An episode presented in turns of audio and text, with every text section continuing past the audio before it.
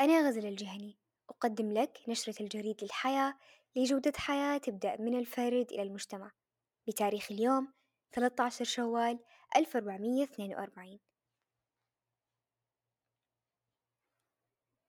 قد سمعت عن جيل الطيبين؟ بتقولون طبعا وين عايشين؟ المصطلح معروف ومنتشر ويدل على الجيل اللي قبل الطفرة العلمية والتقنية.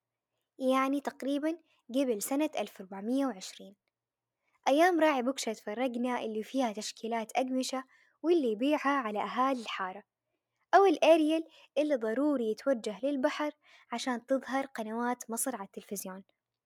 طبعا ما حد يقدر يختصر تفاصيل سنوات بكم جملة لكن جبنا لكم مكان مليان شغلات كثير منه كان يستخدمها. أو على الأقل سمع عنها وشاف صورها. هالمكان اسمه متحف الطيبين. متحف الطيبين في المنطقة الشرقية تحديدا في مدينة الخبر مساحته 300 متر.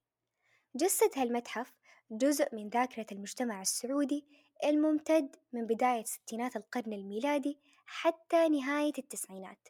عبر احتوائه على أكثر من عشر آلاف قطعة أصلية من الماضي. متضمنة ألعاب علب مشروبات ومأكولات فيديوهات ملصقات كاميرات تلفزيونات وغيرها الكثير تستغرق كل جولة حوالي خمسة وأربعين دقيقة. منتهية بفرصة شراء حلويات ذات طراز قديم. ويحتوي مدخل المتحف على حديقة خارجية وجلسات عائلية تمنح تجربة استثنائية لكل فرد.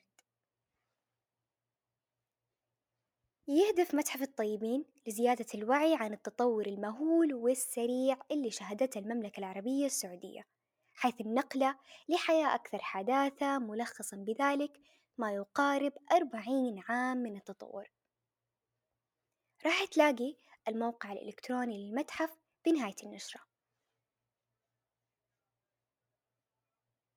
لا تنسى تشترك بالنشرة البريدية لجودة الحياة وتشاركنا أخبار جودة الحياة حولك عبر Tuesday أو جريد podcast dot com عمل على النشرة بسعادة. أنا غزل الجهني دعاء الذبياني ومحمد الأنصاري.